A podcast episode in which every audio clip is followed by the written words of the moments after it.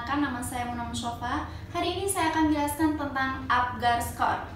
Jadi apa itu Apgar Score? Nah, Apgar Score adalah suatu metode yang diciptakan oleh seorang ahli anestesi dari Amerika bernama Dr. Virginia Apgar pada tahun 1952. Untuk apa sih kira-kira? Tujuannya adalah metode Apgar Score ini adalah suatu metode yang digunakan untuk menilai bagaimana sih kondisi kesehatan dari bayi baru lahir. Jadi dilakukan pada saat menit pertama dan menit menit kelima segera setelah bayi lahir seperti itu. Nah, rentang nilainya sendiri atau skornya sendiri Apgar skor ini yaitu dari 0 sampai dengan 10. Di mana nilai ini adalah skor ini ditentukan dari 5 kriteria lima kriteria dengan masing-masing diberikan skor antara 0 sampai 2 yaitu 0, 1 dan 2. Kemudian, nah menurut artikel aslinya Dr. Virginia Apgar, lima kriteria yang digunakan untuk menilai Apgar score itu adalah yang pertama adalah warna kulit atau warna kulit bayi. Kemudian yang ke yang kedua adalah denyut jantung bayi.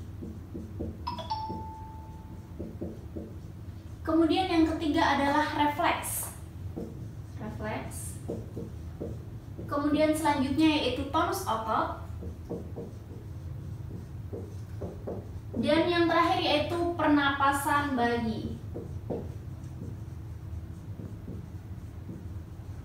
Nah teman-teman semuanya untuk lebih mudahnya kita dalam mengingat Nah biasanya kan teman-teman kalau misalnya mengingat sesuatu biasanya kan lebih gampang pakai singkatan-singkatan ya Nah jadi kita di sini akan menghafal atau mengingat Eh, kriteria-kriteria ini dengan singkatan dari Apgar itu sendiri.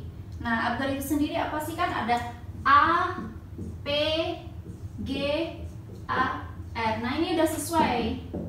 Nah, ini tadi sudah sesuai dengan yang diberikan eh, oleh Dr. Virginia. Jadi A ini adalah appearance artinya.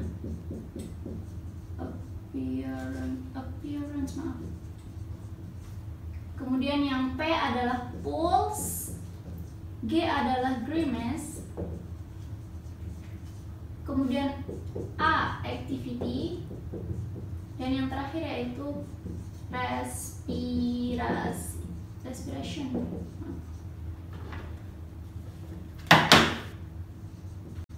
Appearance. Nah, appearance itu sendiri apa sih yang dinilai? Yaitu warna kulit bayi, apakah kemerahan atau kebiruan seperti itu.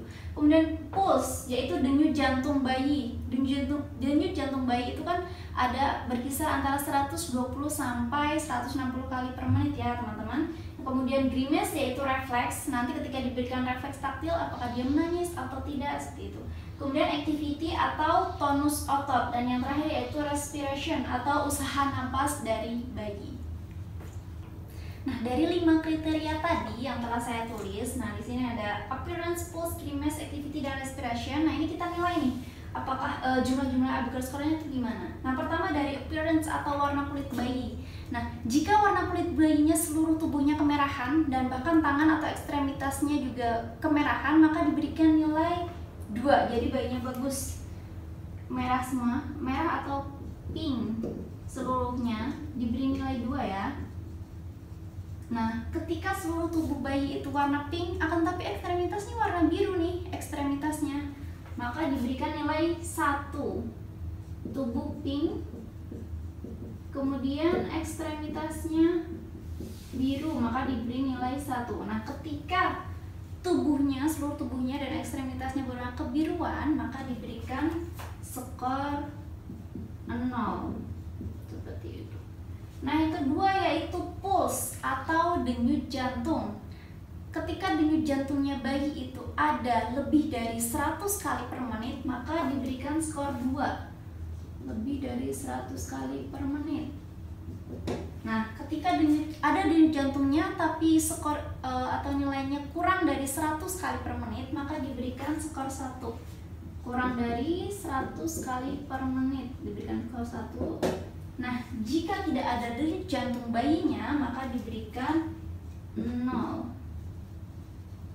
Tidak ada denyut jantung.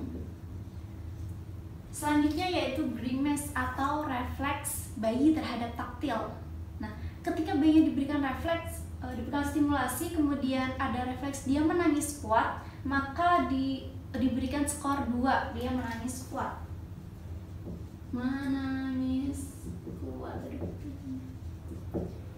nah ketika dia diberikan uh, stimulasi kemudian refleksnya uh, menangisnya lemah atau hanya meringis maka diberikan skor 1 meringis atau menangis lemah. Ketika tidak ada respon bayinya diberikan stimulasi tidak ada respon sama sekali maka diberikan nilai 6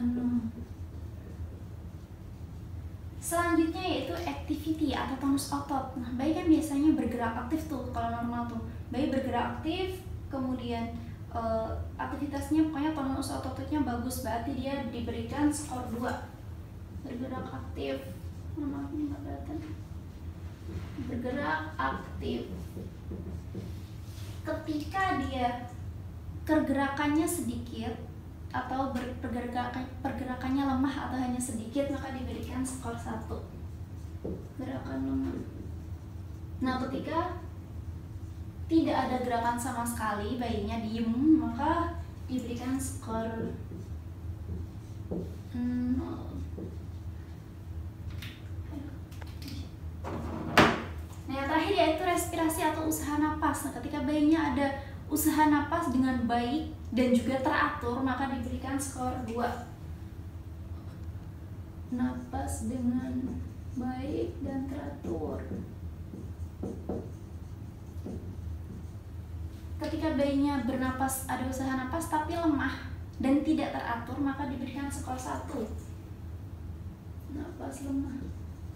Lemah tidak teratur Nah, yang terakhir yaitu diberikan skor 0 ketika tidak ada pernapasan. Tidak ada usaha napas.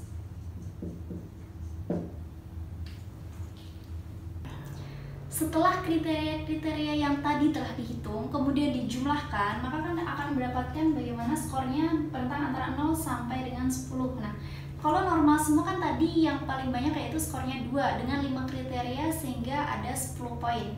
Nah, angka 10 kemudian e, kalau misalnya hasilnya jumlahnya ada 7 sampai 10 itu masih tergolong keadaan bayinya normal atau bagus ya. Kemudian ketika Apgar skornya di bawah 7 itu masuk dalam kategori abnormal. Nah, jadi untuk interpretasinya ketika nilai 7 sampai 10 tadi Apgar skornya normal, untuk di bawah 7 atau 4 sampai 6 maka tergolong dia asfiksia sedang dan untuk skor 0 sampai 3 maka tergolong dalam asfiksia berat.